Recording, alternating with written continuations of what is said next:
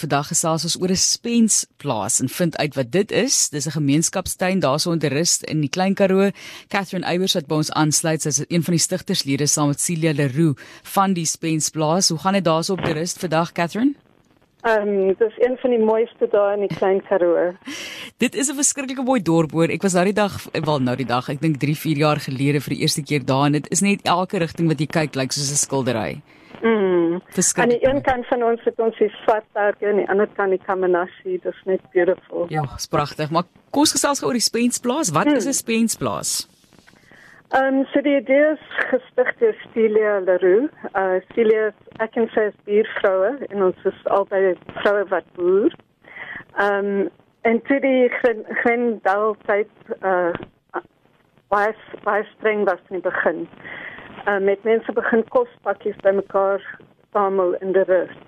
Ehm um, en Cecilia het sien toe sê sy ehm um, hoekom koop ons kos as ons boere is en ons kan self kos groei?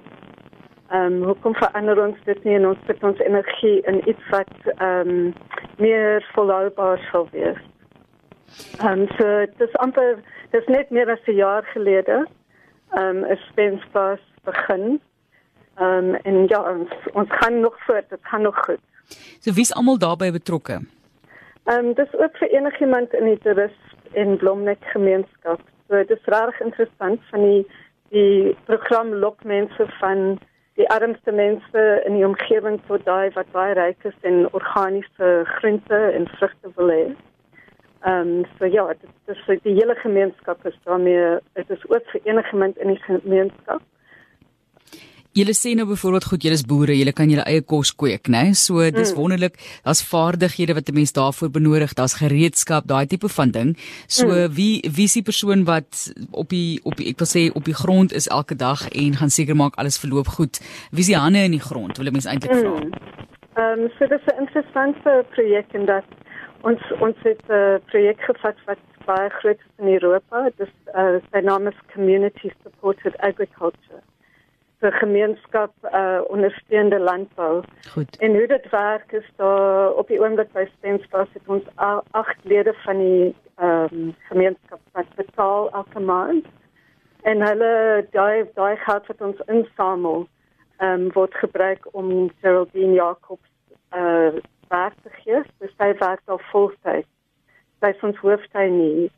Ehm um, en die mense wat lid uh, is van die plaas kan dan enige tyd kom na Spensklas toe en hulle eie groente pluk van die tuin af.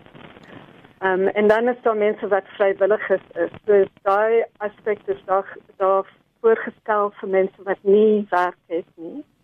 Ehm um, en dit gee vir hulle kans om betrokke te raak in 'n projek. So hulle kom vroeg in die oggend, so 8:00 se kant na die plaas toe en werk hulle in die tuin vir 2 of 3 ure ehm um, Celia Leroux maak dan vir hulle sop van die plaas af.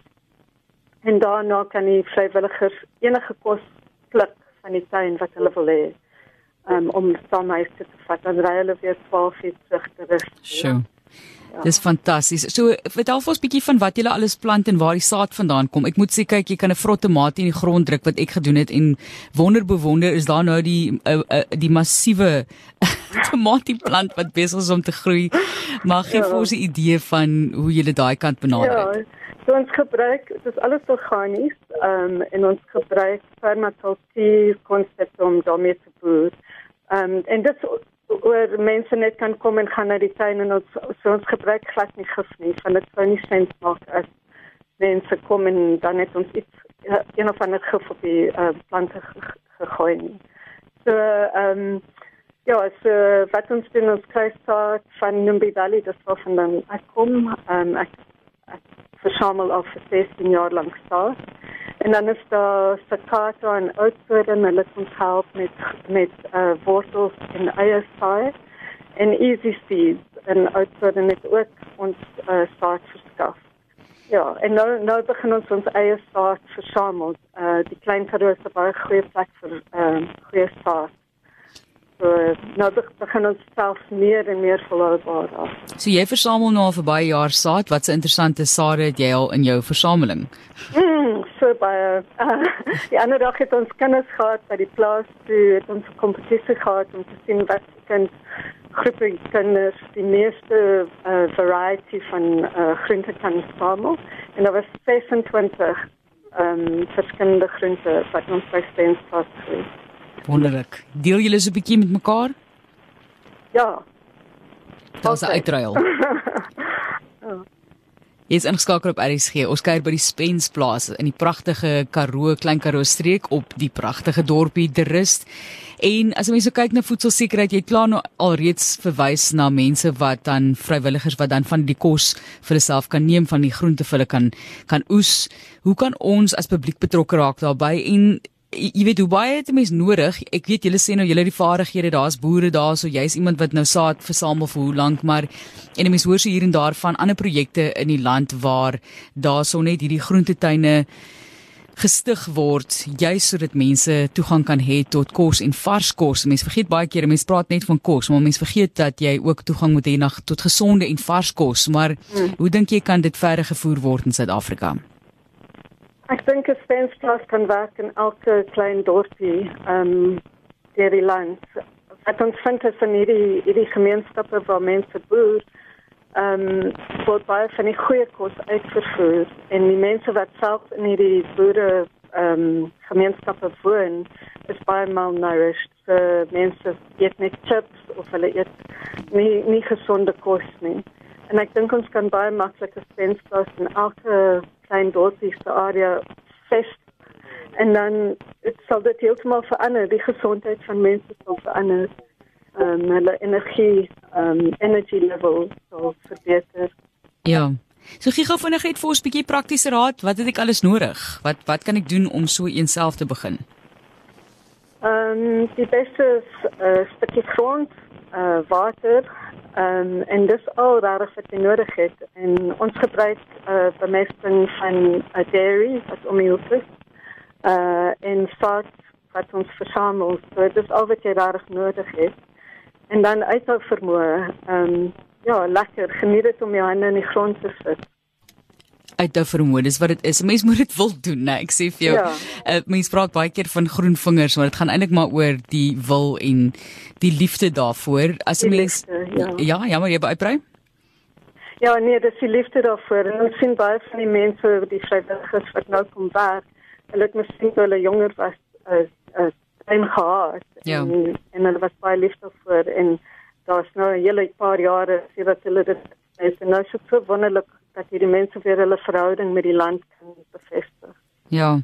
So as mense gou vinnig kyk na nog praktiese raad, kyk ek weet dit is moeilik om nou deur die hele lys te gaan van die groente wat jy byvoorbeeld nou kweek en te sê watter tyd van die jaar moet jy saai, daai tipe van ding, maar miskien het jy vir ons so 'n paar wenke van wanneer mense moet begin, die seisoene in die provinsies, maar dit ja, kan 'n lang lys raak, ja. Ja, ek dink daar's nog mense in ons gemeenskappe wat daai kennis het.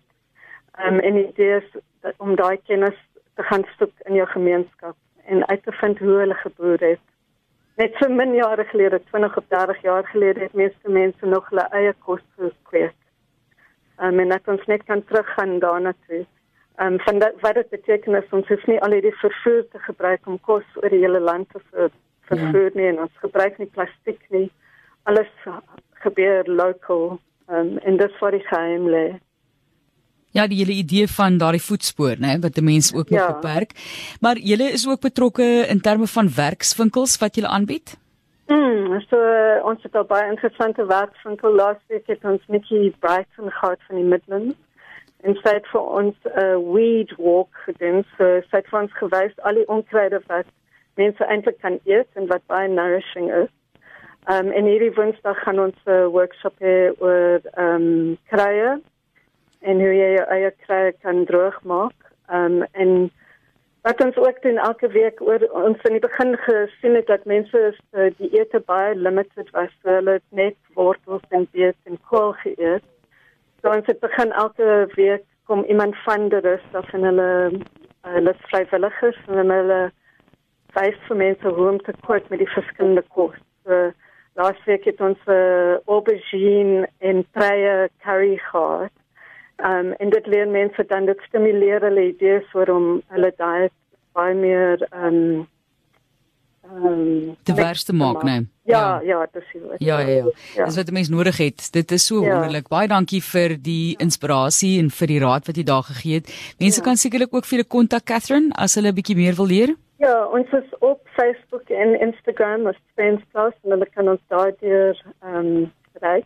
En as hulle ooit in die rus is dan ehm um, wil ons baie graag hê mense moet kom kyk na die projek. Dit kom baie paar ander in die rus en dan kom kyk by Spence Plus. Ja, ondersteun so sommer so die Klinkerose toerisme ook nou. So vir jou baie dankie. Awesome.